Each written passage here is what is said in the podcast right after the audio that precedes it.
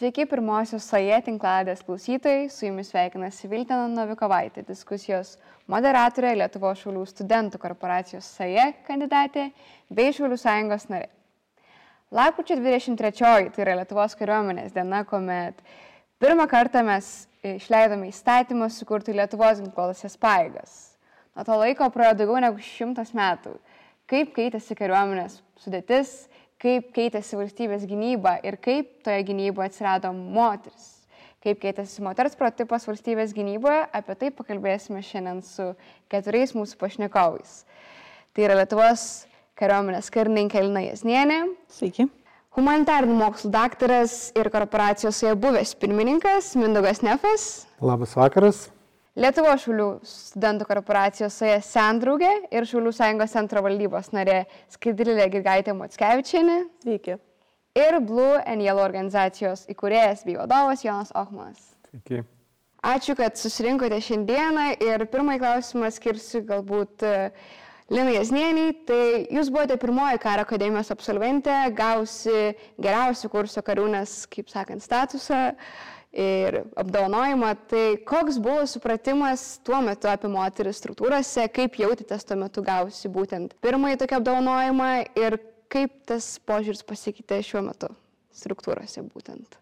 Taip, 2008 metais e, buvau išrinkta geriausia kurso kariūnų, kariūnų ir iš tikrųjų tuo metu pramušiau turbūt stiklinės lubas toj srity. E, dabar tai e, jau nebesu pirmoji ir vienintelė, nes turime dar kelias e, karo akademijos absolventės baigusias karo akademiją e, kaip geriausia, geriausiamis kurso kariūnėmis. Iš tikrųjų tas e, pokytis turbūt jau kalba pats už save, nes tuo metu buvau pirmoji ir vienintelė, dabar mes jau trys.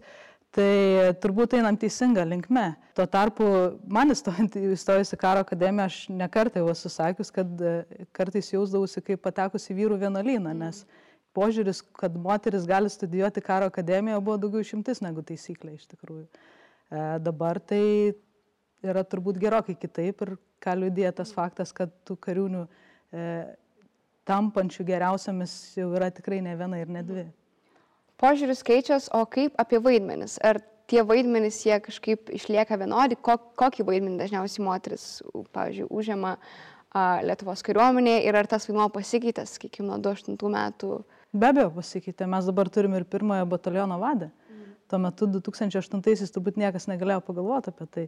Mes turime pulkininkų lieutenančių ir aš tikiu, kad kažkada greitų metų turėsim netgi ir pulkininkę. Tai mes einam e, pirmin, yra dar sričių, kur tų stiklinių lubų yra, mhm. bet bet kuriuo atveju mes tikrai judam į priekį ir tiek, tiek požiūrio prasme, tiek užimamų pareigų prasme iš tikrųjų, nes, nes kaip ir minėjau, tiek, tiek bataliono vadė, tiek, tiek kopų, kopų, kopų vadės, aš atsimenu, kai 2008 metais baiginėjau karo akademiją ir mes su kolegė pasirinkome būti būrio vadėmis, tai pats dalinio vadas tuo metu atvažiavo pas mus čia ir sakė, aš noriu pažiūrėti tas dvi, kurios pas mane ateis būrio vadėmis. Mm. Tai, ta prasme, tuo metu tai buvo nuostaba, dabar aš manau, kad mergina būrio vadė jau niekam tos nuostabos nekelia. O ta nuostaba buvo, tokia pozityvi jau tuo metu, ar vis dar buvo tokia negatyvi? E, ji buvo gal su abejojimo prieskoniu tokiu iš tikrųjų. Negali sakyti, kad jinai buvo visiškai ne, negatyvi, bet, bet tiesiog manau, kad kiekviena, kiekviena aplinkinė vedęs malsumas ir tas noras pasižiūrėti, ar vis tik jo sugebės. Tai grįžtam šitiek į praeitį, grįžkim dar toliau į praeitį ir pakalbėkim koks istoriškai buvo Lietuvos moters ginkluotose pajėgose arba rezistenciniam kare tas vaidmo, koks jisai buvo tada praeitie. Ar ne, ar tai buvo antrojo pasaulinio karo metu, ar, ar partizaniniam kare. Čia šitas klausimas yra šiek tiek platesnis. Mes e, Europoje keletą tūkstančių metų gyvenam patriarchalinį visuomenį, kuomet va štai vyrai, vyrų bendruomenė tarsi yra ta lyderiaujanti, užsimanti svarbiausiais dalykais ir iš esmės XIX amžiaus pabaigoje, XX amžiaus pradžioje vis dar buvo įtin gajus požiūris, kad moterų vieta yra trijose vietose. Tai yra su vaikais, virtuvėje prie puodų, na ir į bažnyčią sekmanis gali nueiti. Tai natūralu, kad šitie dalykai 20 e, 20 amžiaus viduryje, kuomet e, vyko, pavyzdžiui, partizaninis karas Lietuvoje, e, jis vis dar buvo ir todėl mes moterų, kurios su ginklu rankose kovojo, tai turime tikrai nedidelius skaičius. Tai čia vienas toks dalykas. Antras dalykas tai, kad mes kartais tą partizanę kovą pernelik taip vienpusiškai vertinam. Mano požiūriu, tai visi asmenys, kurie vienokią ar kitokią formą dalyvavo partizaniniam kare, jie gali būti vadinami partizanais. Šiuo atveju ten, tarkim, ryšininkės, dalis netgi remėjai, kurie vykdydavo įvairias užduotis, e, saugodami dokumentus, amuniciją saugodami, suteikdami ryšio punktus tam tikrus.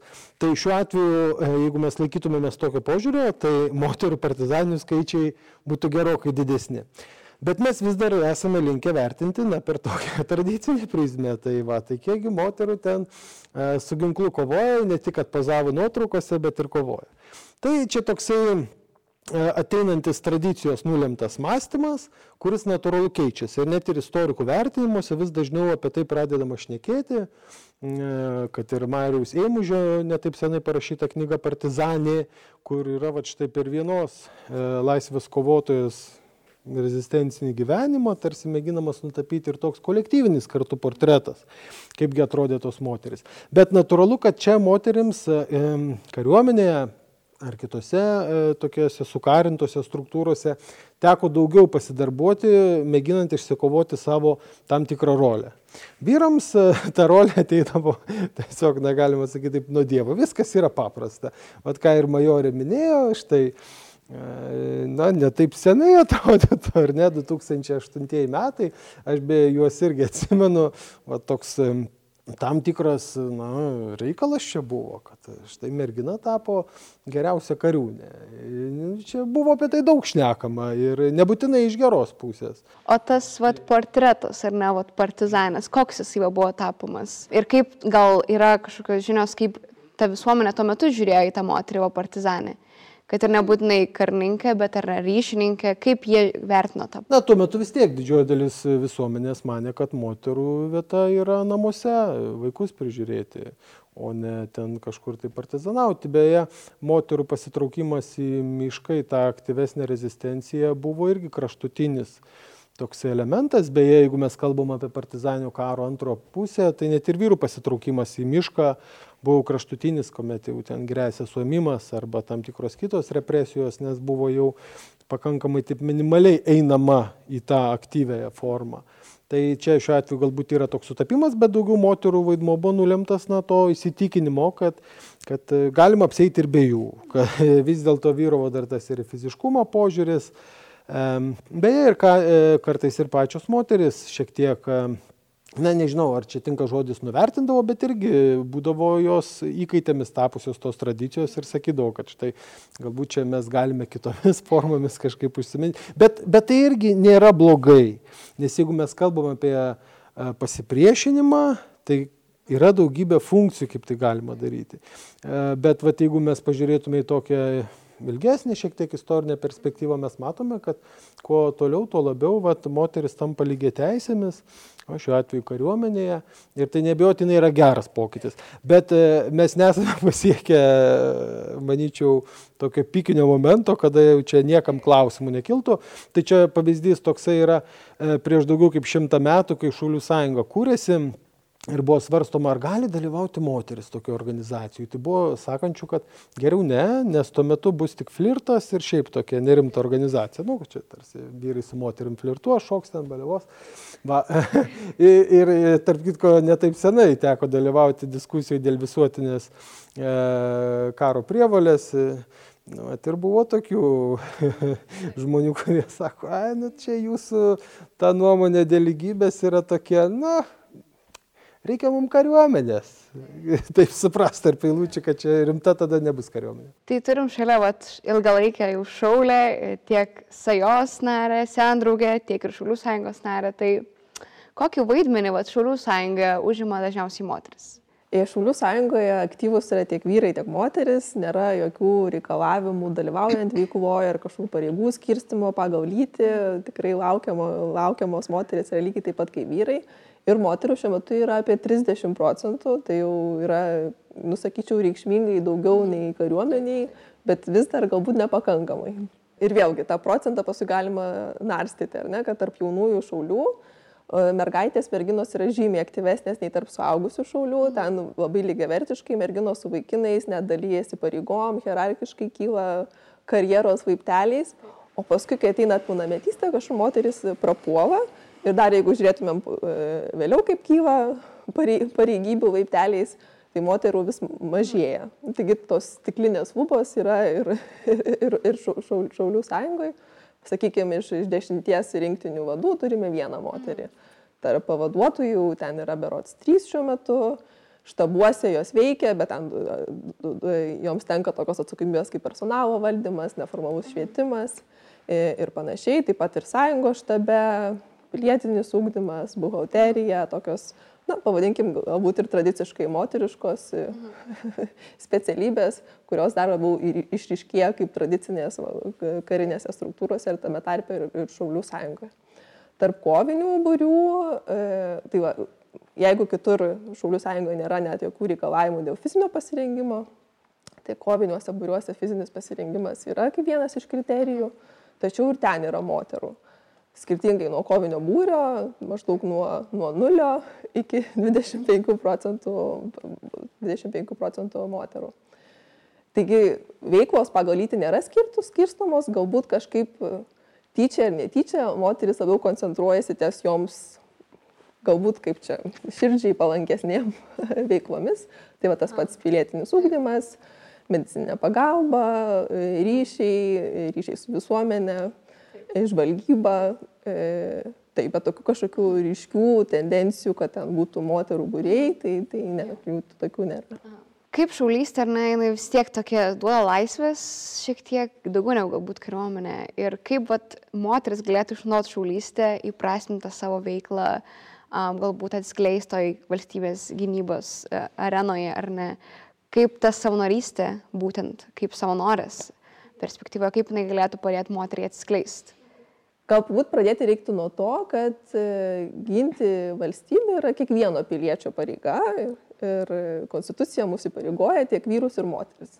Taip, e, nuo karinės, nuo šaukimo į kariuomenę moteris atleidžiamos, bet ginti valstybę yra tai ir moterų pareiga. Ir man atrodo, Šaulių sąjunga yra kaip vienas iš labai tokių turbūt geriausių ir konkrečiausių būdų mokytis tą daryti ir tam ruoštis. Mhm visų pirma ruoštis tai gynimo akimirkai, bet tuo pačiu prisidėti prie valstybės gerovės jau ir dabar. Ką šaulės moteris jau dabar ir daro. Ir man atrodo, kaip Šaulių sąjunga šiuo metu labiau yra matoma visuomenėje, taip ir moterį šaulės taip pat yra labiau matomos visuomenėje. Prie to prisidėjo ir būdėjimai prie mobilių COVID testų punktų, e, viešosios tvarkos palaikymas, dabar pagalba su migrantais Baltarusijoje, prie su, su pabėgėliais iš Ukrainos ir man atrodo Šaulių sąjunga labai tą padeda moterim atsiskleisti ir ta moteris uniforma nebėra jau tokia staigmena, moteris šaulės jau yra vis labiau matomos ir tikiu, kad tai galėtų prikviesti ir kitas, ir kitas moteris tą, tą padaryti ir galbūt tai prasti savo vaidmenį. Žinoma, kalbant apie savanorystę, tai moteris iš principo yra labiau linkusios savanoriauti ir prisidėti va, tokiais netlygintinais būdais prie bendruomenės, visuomenės gerovės negu vyrai. Ir jos, žinoma, čia turi daugiau pasirinkimo. Tarp organizacijų, kurios laukia savanorių, konkurencija nemaža ir galbūt Šaulių sąjunga nėra tas numeris vienas, kurį renkasi. Mhm renkasi moteris, bet e, aš tikiu, kad tai pamažu keičiasi. Tai prieikim prie savanorių. Uh, Jonai Okmanai, uh, jūs savo knygoje nemažai kalbėjote apie moteris savanorės, kurias sutikote Ukrainoje, tiek Julka, tiek Oksana, Jelena. Kaip apibūdintumėt būtent moters portretą juose, vat, tą moters portretą karo laukia, koks jis yra ir kuo jisai išsiskiria iš galbūt kitų žmonių? Nu, jeigu kalbant apie Ukrainą, būtent čia karas yra pakankamai unikalus įvairom prasmėm. Ir įskaitant būtent savanorių vaidmenį, e, nu, nu, nu, pačios karo pradžios e, įvairom formom, be, be savanorių šiaip, manau, kad mes turėtume gerokai kitokią situaciją, negu turim šiandien. O moteris, e, moterų daug tame visame, labai daug. E, aplink save, aš sakyčiau, ką aš matau, nu, sakykime, iš savo žvilgsnių, ten, kiek, kiek aš ten žmonių, aš kokie moterų gal 60 procentų, gal vyrų gal 40, ne, jų labai labai daug. Ir dar be to jos yra, kaip taisyklė, pakankamai veiklios, atsakingos ir, ir, ir nesakytim, ištvermingesnis negu vyrai. Taip, nes čia, ką mes dabar, ta, ta savanoriška veikla, nu, pakankamai sudėtinga, nu, nebūtinai ta tiesiog, tiesioginė karinė prasme, bet, bet labai daug streso, labai daug įvairių elementų, reikia tiesiog palaikyti nu, tvarkos ir, ir, ir gebėti bendrauti su žmonėmis ir, ir, ir dar įtikinti nu, kit, kitus, kad jie padėtų, prisidėtų. E, ir, ir šioje vietoje moteris tikrai puikiai atlieka sa, sa, savo darbą, e, geriau, sakyčiau, negu vyrai. Vis tiek, jeigu taip kalbant apie, apie charakterį, apie, nu, apie, apie skirtumus tarp, tarp lyčių, tai toliau, aš matau šiame visame labai daug privalumų moterų sakykime, taip, taip jau geba e, lankščiau veikti, nes ten tai labai daug lankstumo ir, ir vertinti padėtį ir, ir, ir kada, kai kada diplomatiškai, kada taip jau, jau, jau net ir komerciškai, tarkim, taip toliau.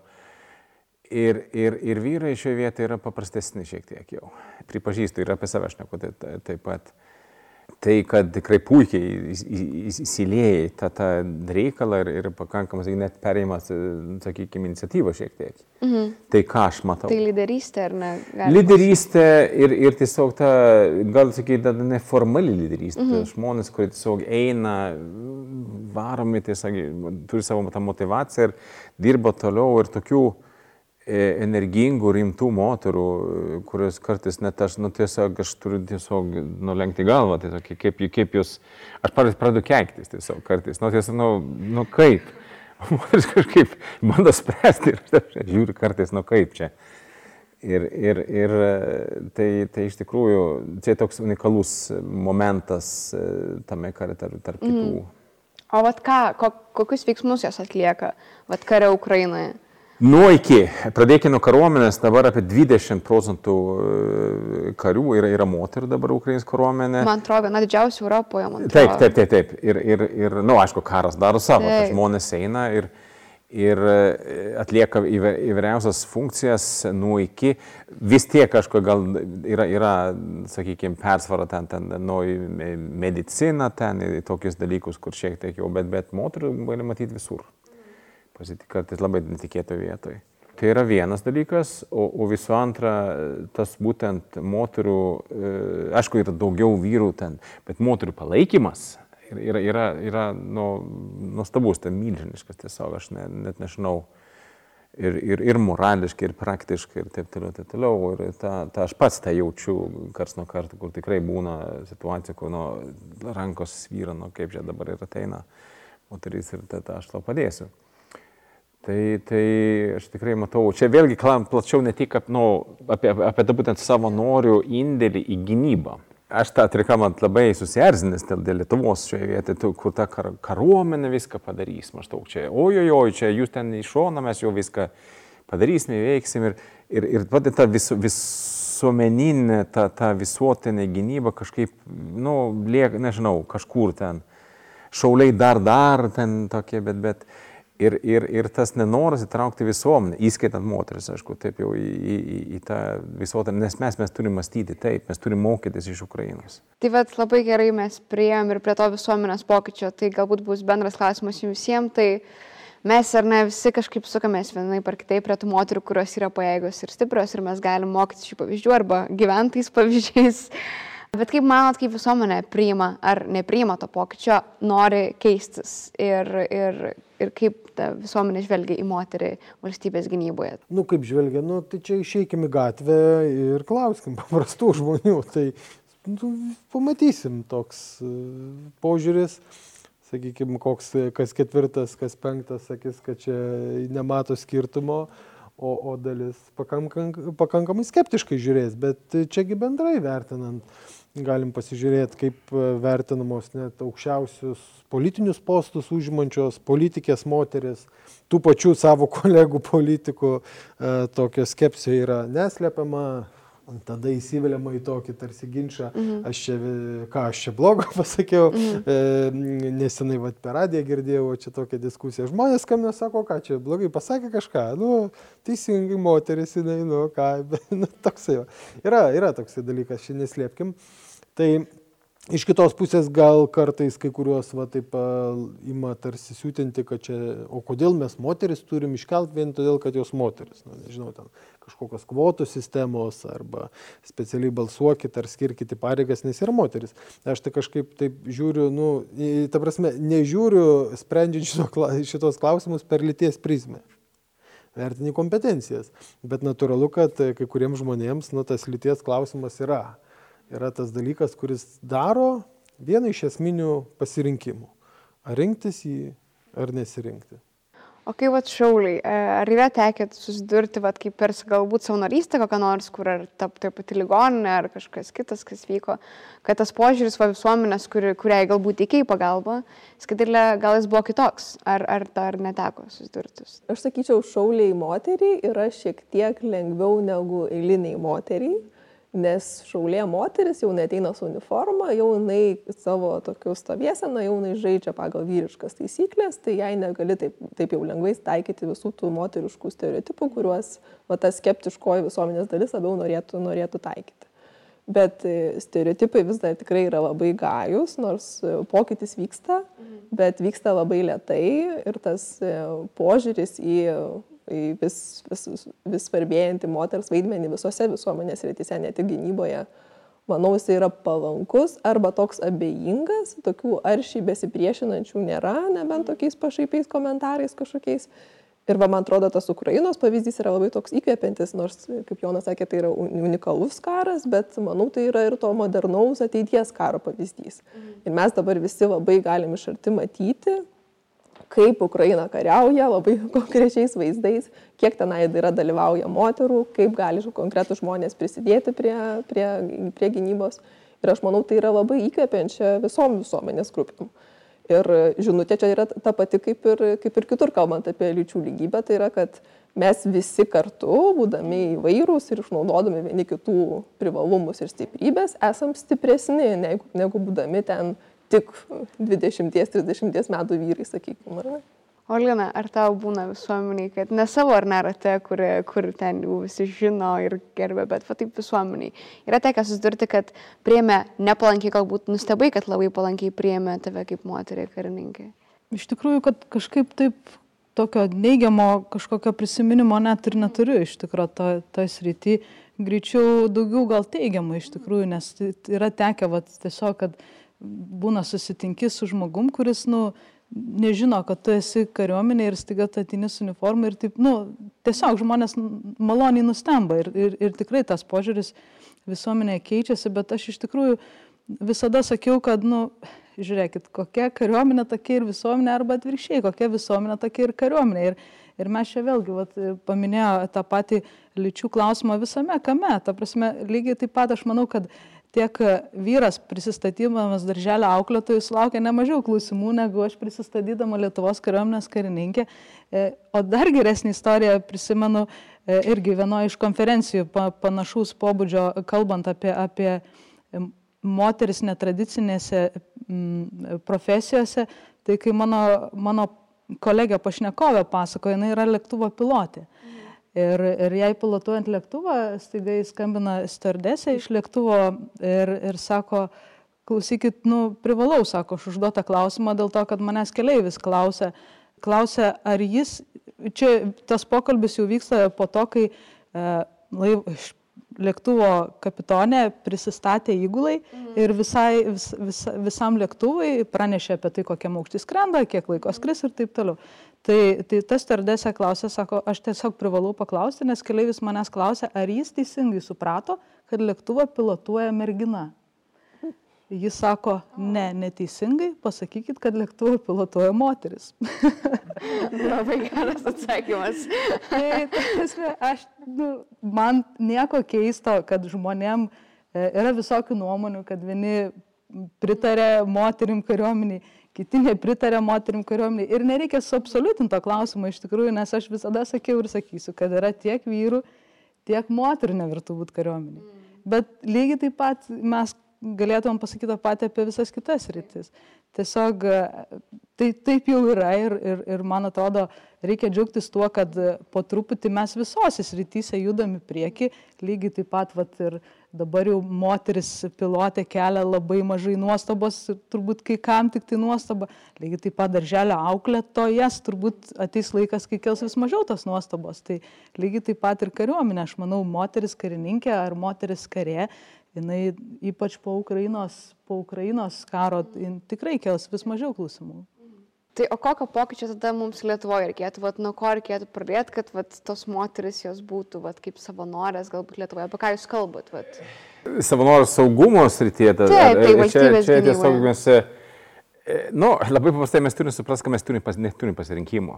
Čia yra įvykta labai rimti dalykai, mums grėsia labai rimtas pavojus, čia yra egzistencinė grėsmė, kas dabar vyksta ir mes privalom visi vieniai per kitaip to prisidėti. O čia nėra taip jau ta vieta, kur galima taip jau, na, nu, kažkaip, taip, čia reikia tiesiog ruoštis plačiau. Aš tiesiog iki šiol nesuprantu, kodėl dalis visuomenė nesupranta, kaip čia yra viskas yra pavojinga dabar. E, nu, apie tai galiu ilgai išnekėti. Taip, taip jau, jau kaip, kaip e, kalbu su įvairiais žmonėmis apie tai. Ir būtent tas, tas sakykime, pasimetimas, o ką man daryti, ką man daryti. Nu, aš tai duodu keletą tokių patarimų e, ir vis dėlto žiūriu, kad e, aš duodu vieną pavyzdį irgi vėlgi ten. Dabar e, rusai meta nu, labai daug minų deda ten Ukrainoje. Ir, ir dabar man kreipiasi moteris, būtent moteris, kas čia per miną, kas čia yra tiesiog. Jie ten supranta, kad čia yra kažkas ir aš aiškinu ten, kad čia, čia vaikai, čia atrodo, kad žaisas vaikas paima ir, ir ranką nutraukia. Tai tas pasibaisėjimas žmonių E, ir, tad, ir aš matau, kad tai žmonės ruošiasi kažką padaryti. Tai nežinau ką, bet. Ir, ir e, šioje vietoje, aš visiškai, tai sakykime, per šitus metus dabar, aš vis, vis man mažiau įdomu, ar tu vyras, moteris, ar tu darai.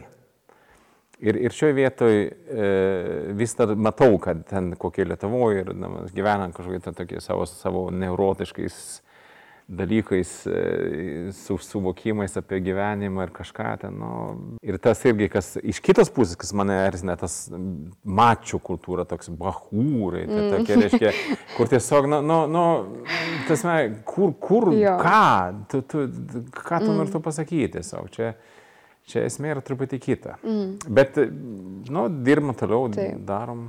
Taip. Aš gal Aš gal dar norėčiau pantrinti iš tikrųjų ir, ir, ir, ir pridėti prie to, ką, ką Jonas sako. Ir po, po to jau kaip atsakiau, iš tikrųjų prisiminiau, kad vienas iš labiausiai manęs erzinusių klausimų buvo, vat, kaip, kaip klausėt prieš tai, uh, Ar, ar yra buvę tų tokių nemalonių patirčių, kad nemaloniai sutiktų, ar, ar kažką tai ne tiek patirtis, gal kiek vienas iš pokalbio epizodų iš tikrųjų. Ir mes ten irgi va, tą pačią diskusiją vedam apie moteris kariuomenį ir, ir, ir taip toliau. Ir, ir tada mane pasivijo klausimas, sako, bet klausyk, sako, tu moteris prigimčiai, sako, prieštarauji. Sako, nes moteris prigimtis yra gimdyti. O va tu, sako, esi pasiruošus žudyti. Sakau, o, ko, o kodėl tu galvoji, kad aš esu pasiruošus žudyti? Aš esu pasiruošus ginti. Lietuva nėra ta šalis, kuri ruošiasi kažką pulti. Mes esam valstybė, kuri norim būti pajėgus apginti save. Tai kiekvienos nėra aršesnės moters negu mama, kuri nusiteikus apginti savo vaikus. Ir va, ką Jonas sako, labai svarbu yra tai, kad, ta prasme, nu, ta gynyba irgi gali būti įvairi. Ir net ji labai prasideda net nuo paprasčiausių žinių apie, apie elementarius daiktus, minas ir taip toliau. Galų gale kaip apsisaugot, kaip pasislėpti, kaip, kaip suteikti pagalbą ir taip toliau. Tai yra labai daug dedamųjų. Bet sakau, va, tas klausimas, kuris mane labiausiai kaip mo moterį karininkę išmušęs iš vėžių, buvo tai, kad va, tiesiog sako, tu savo prigimčiai prieštarauji. Tai. Jo, čia gal yra tas įtoks net ir kariuomenė, reikia požiūrį keis, kad kariuomenė tik žudo, bet jinai gina. Taip, taip, taip, tai va, sakau, ir Ukrainos karas dabar tai rodo, tai, tai šalis, kuri ginasi, tai ji nepuolė nieko, jinai ginasi ir įskaitant tiek vyrus, tiek moteris, tai visi jie ginasi, tai apginti save yra ne ką mažiau svarbu negu apginti savo šalį, savo vaikus ir savo teritoriją. Skaitrilė, kaip manai, kaip dar Šaulių sąjunga galėtų moteris atskleisti galbūt plačiau, galbūt atšvietimas ar ne, kalbėjimas apie kaip paskirti skirtingas minas, ar ne, kaip mes galime apsisaugoti. Ar tai galėtų būti naujos perspektyvos moteriai, kokios dar galbūt galėtų? Žinoma. E, labai kon konkrečiai aš net siūlyčiau Šaulių sąjungų kaip vieną iš tikslų turėti pritraukti daugiau moterų. Ne tik turėti kuo daugiau narių, tą masiškumo organizacijas, bet kuo daugiau moterų. Nes kai kalbame apie pilietinį pasipriešinimą, tai tas moterų potencialas yra itin didelis, nes įsivaizduokime agresijos atveju, vyrai mobilizuojami, tie, kurie lieka, jau jie yra priešui įtartini, ar ne, kaip, kaip potencialus kovotojai, o štai moteris, aš manau, turi daugiau to tų, tų galimybių būtent dalyvauti pilietinio pasipriešinime. Įsivaizduokim, moteris vaikšto su vežimėliu po gatvę, o iš tikrųjų jinai ten mintysė skaičiuoja ir net pažįsta priešo techniką. Nu, tai tikrai kelia mažiau įtarimo negu, sakykime, du vyrukai gatvėje, ar, ar, ne? Tai manau, tas Šaulių sąjungai to potencialo yra tikrai daug ir čia vertėtų nu, pa, pa, pasistengti. Ir galų gale nu, bendruoju būdu tiesiog skirti dėmesį tam švietimui ir ūkdymui, ypatingai mergaičių ūkdymui, įgalinimui ir tam samoningumo ir suvokimo stiprinimui, kad ir nuo tavęs, ir nuo mergaitės, ir vėliau, vėliau moters priklauso valstybės gynyba, kad ir tu, tu turi čia tame vaidmenį. Čia nėra tai, kad kažkas kitas už tave padarys, bet atsakingi esame visi mes. Tik turim, kaip sakant, tikslų Šaulių sąjungai iškeltų. Bet gerai, visą laiką istorijai reikia įkvėpimo, ar ne? Ir Lietuvoje mes turėjom tokią lietuviškas Amazonės prototipą, turėjom e, Emiliją Pleterytę, pasaulis turėjo Žaną Dark, turėjom Berniolę Virginiją Bražėnaitę. Ar dabar tie prototipai vis dar įkvėpia moteris Lietuvoje? Ar mums reikia ieškoti kažko naujo, kažkokios naujos ar ne įkvėpimo šaltinio būtent moteriai kilti? Aš galiu tai vieną pavyzdį, kur mane erzina iki kokio lygio e, net nu, visi žino, kas yra e, e, salomėnerystė, ne? Nu, tokia pasuklaidinta, nu, bla, bla, bla. Bet, pavyzdžiui, e, Stefanė Ladigienė, niekas nežino, kas čia tokia. Ten moterį, ohoho, tiesiog šakės, ten, ten įvairom prasmėm. Per visus laikus, per visus pasipriešinimus ir taip toliau. Niekas nežino apie ją. O, o Salomėneris kažkaip, tasme, būtent čia yra ne tik apie moteris, čia tiesiog apie ką mes pasirenkam kažkodėl iš istorijos ten pabrėžti, ką, kas yra nu, žinoma. Ir, ir, ir aš tokių daugiau tų moterų ten turiu fantastinių, būtent iš Lietuvos istorijos, kur aš nu, matau, nu, jos kažkaip ten. Plaukioja. Jo, plaukioja. ir, ir, ir, ir tai yra, yra aš, aš, aš žinau tą nu, nesigilinam, kai ką aš manau apie lietuvių charakterį šiuo atveju, bet ir ne tik, bet, bet e, čia yra toks, sakykime, tikrai tų pavyzdžių yra rimtų ir ganas pakankamai nesenai. E, dar imkim kitą dalyką, e, sakykime, ką aš pastebėjau jau Lietuvos versle, daug, labai daug rimtų moterų, ten direktorių, ten vadovių ir taip toliau, kad tikrai nu, daro labai rimtą darbą. Apie, jos, apie jas nu, žinom kažką, gal, bet, bet taip jau tiesiog tų pavyzdžių yra tiesiog imk ir pas tiesiog, oi, čia mažiausia problema. Svarbiausia vis tiek yra nu, eiti pas save, tiesiog, tiesiog, nes kiekvienas mes turim savyje tikrai didžiulį potencialą, įvairom prasme.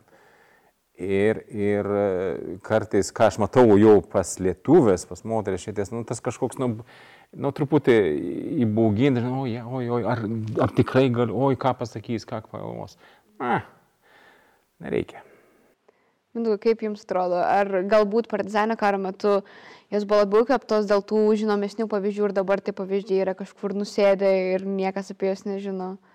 Nežinau iš tiesų, šiaip tai moterų reikėtų to klausti, bet aš tai norėčiau, kad būtų įkvėpimų šaltinis ne tik tai, nu, šiuo atveju, moterim, mergaitėm, bet visiems ir vaikinam.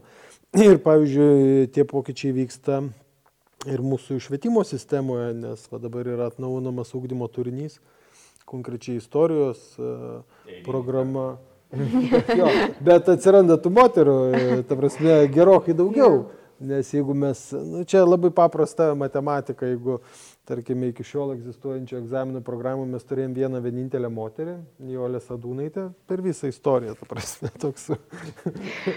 kurią, kurią privalomai turėjo žinoti. Tai dabar realiai ties kiekvienu beveik klausimu yra ir moteris parašyta. Na, nu, aišku, ten jeigu mes žiūrim į tokius viduramžius, tai toks biški ir pritempimo klausimas, čia grinai kaip dalykininkas kalbu, bet e, kuo tie laikai yra naujesni, tuo tikrai tos rolės yra daug didesnės.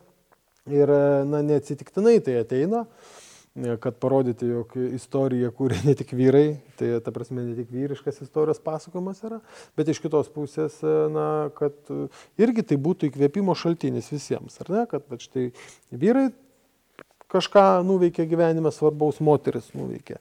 Tai vat, Stefanija Ladigienė yra viena iš tų personų, apie kurias tikrai turėtume daugiau šnekėti, bet aš taip ne, neskaidyčiau, kam tai turėtų būti didesnis įkvėpimo šaltinis. Man iš e, mokyklinių metų, tarkim, na, taip labai šabloniškai, Emilija Pleterytė yra įsiminusi, ar ne? O aš kažkada taip galvodavau, kaip čia, vat, mm. aha, o, įdomu, ne, šitas dalykas, taip. netmesdavau. Va, bet e, galbūt mano terpė buvo mm. tokia pakankamai normaliai ir galbūt pažangiau mąstanti.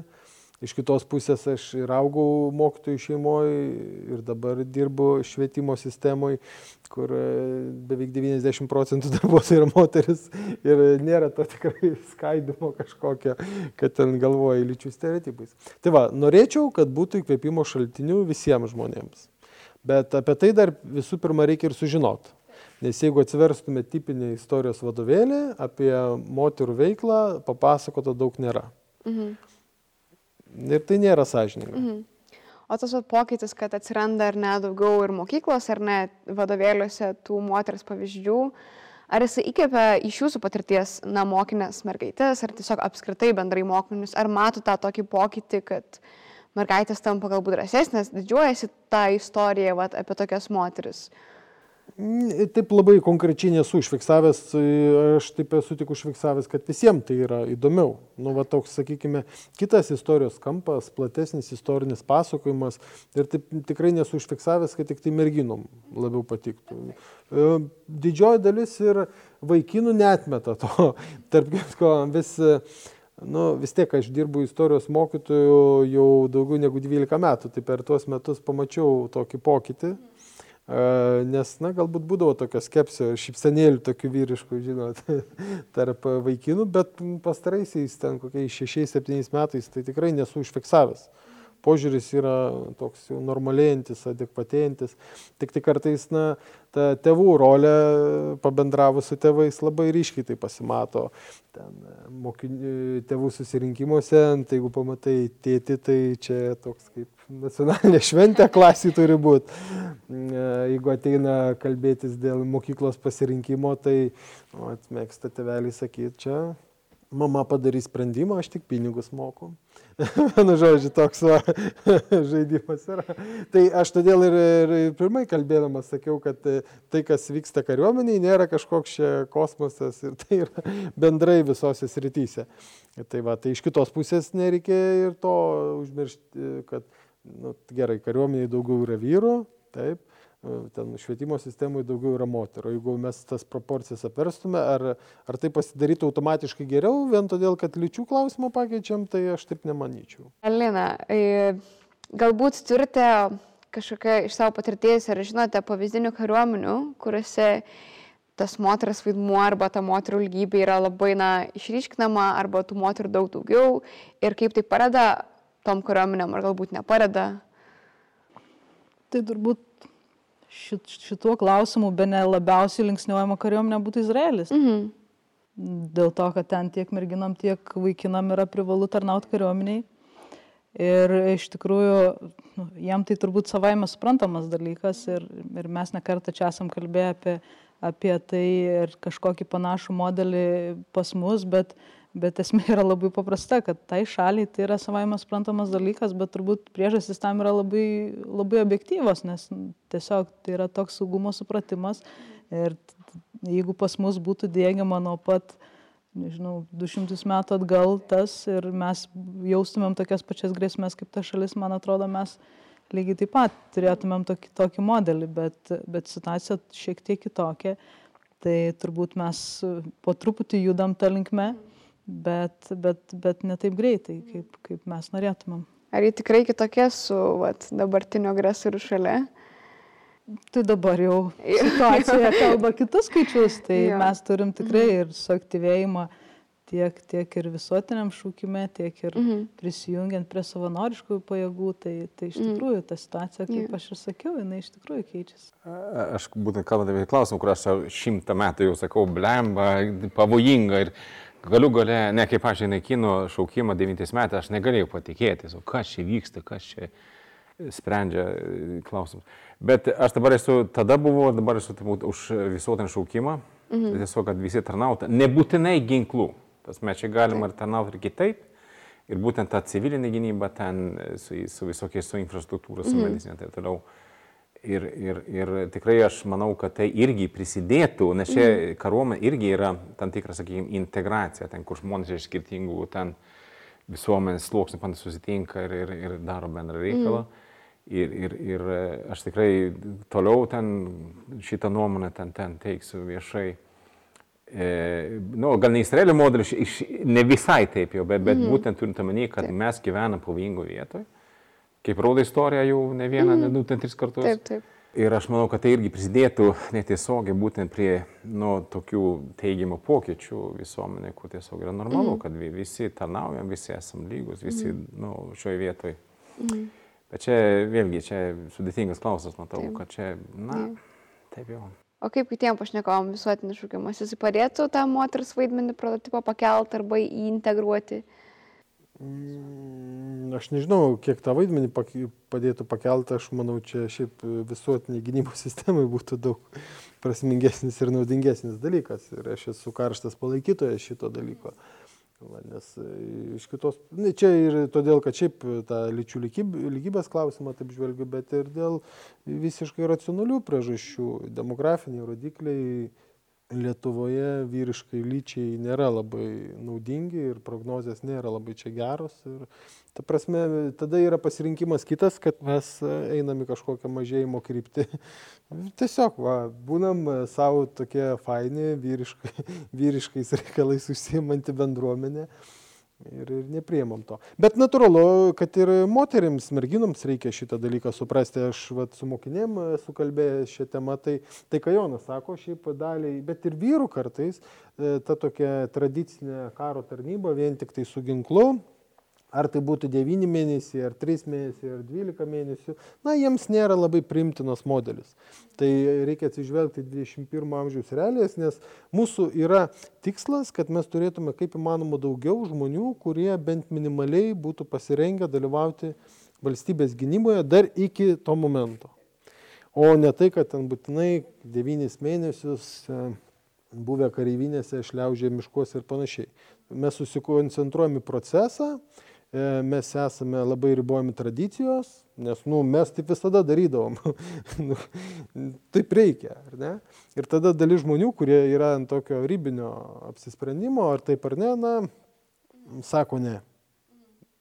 Tai, tai va čia mums reikia pamėginti tokią sistemą šiek tiek universalizuoti, pritaikyti prie laikmečio sąlygos, prie žmonių, kurie uh, kuriem e, klausimas, o kodėl aš turiu tai daryti, yra gerokai dažnesnis negu prieš 10 ar 20 metų. Tai irgi reikia suprasti. E, aš tai labai gerai suprantu, nes aš ir esu panašus žmogus. Man reikia atsakymo, kodėl aš tai turėčiau dabar daryti. Vat. O kai mes nepasakome to atsakymo, tai yra sudėtingiau jiems primti sprendimą to, kurio mes norim. O mes norim, kad mūsų visuotinė gynyba stiprėtų jau dabar, ne kai mus pradeda bombarduoti Taip. ir panašiai.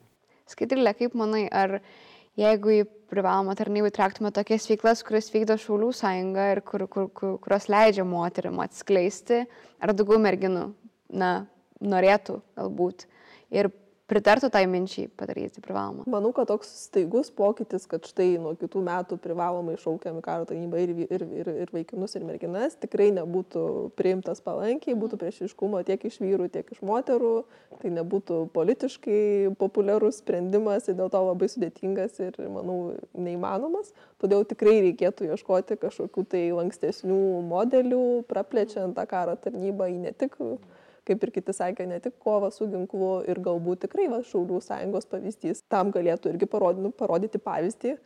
Kita vertus, tada jeigu karo tarnyba darosi jau kaip Šaulių sąjunga, tai gal geriau tada kvieskim tas moteris į Šaulių sąjungą, ar ne? Tada, nu, čia reiktų tikrai labai gerai apgalvoti, bet e, visiškai nu, pritariu, kad tai turi būti kažkaip palaipsniui, galbūt su kažkokiais e, merginų procentais, e, keičiant trukmę ar, ar kažkokias sąlygas gerinant, bet kad tai yra ateitis, aš manau, kad taip kad, manau, moteris ilgai tą privilegiją negalės mhm. gyventi ir didžiuotis. tai. Tai gerai, keliaujant prie pasnio klausimo bendrai visiems, kokio pokyčio tada mes norime moteriam ateityje ir ar jo reikia, taip apibendrinant visą diskusiją. Lina, gal pradėkime nuo jūsų. Aš manau, dirbtinio tai ne. o natūralaus? o natūralus ateis savaime. Jis jau vyksta. Vyksta tiek, tiek kariuomeniai, vyksta tiek visuomeniai. Iš tikrųjų, jeigu palyginsim e, tai, kas buvo anksčiau ir tai, kas yra dabar, tai nu, mes tikrai pamatysim tą pokytį akivaizdžiai.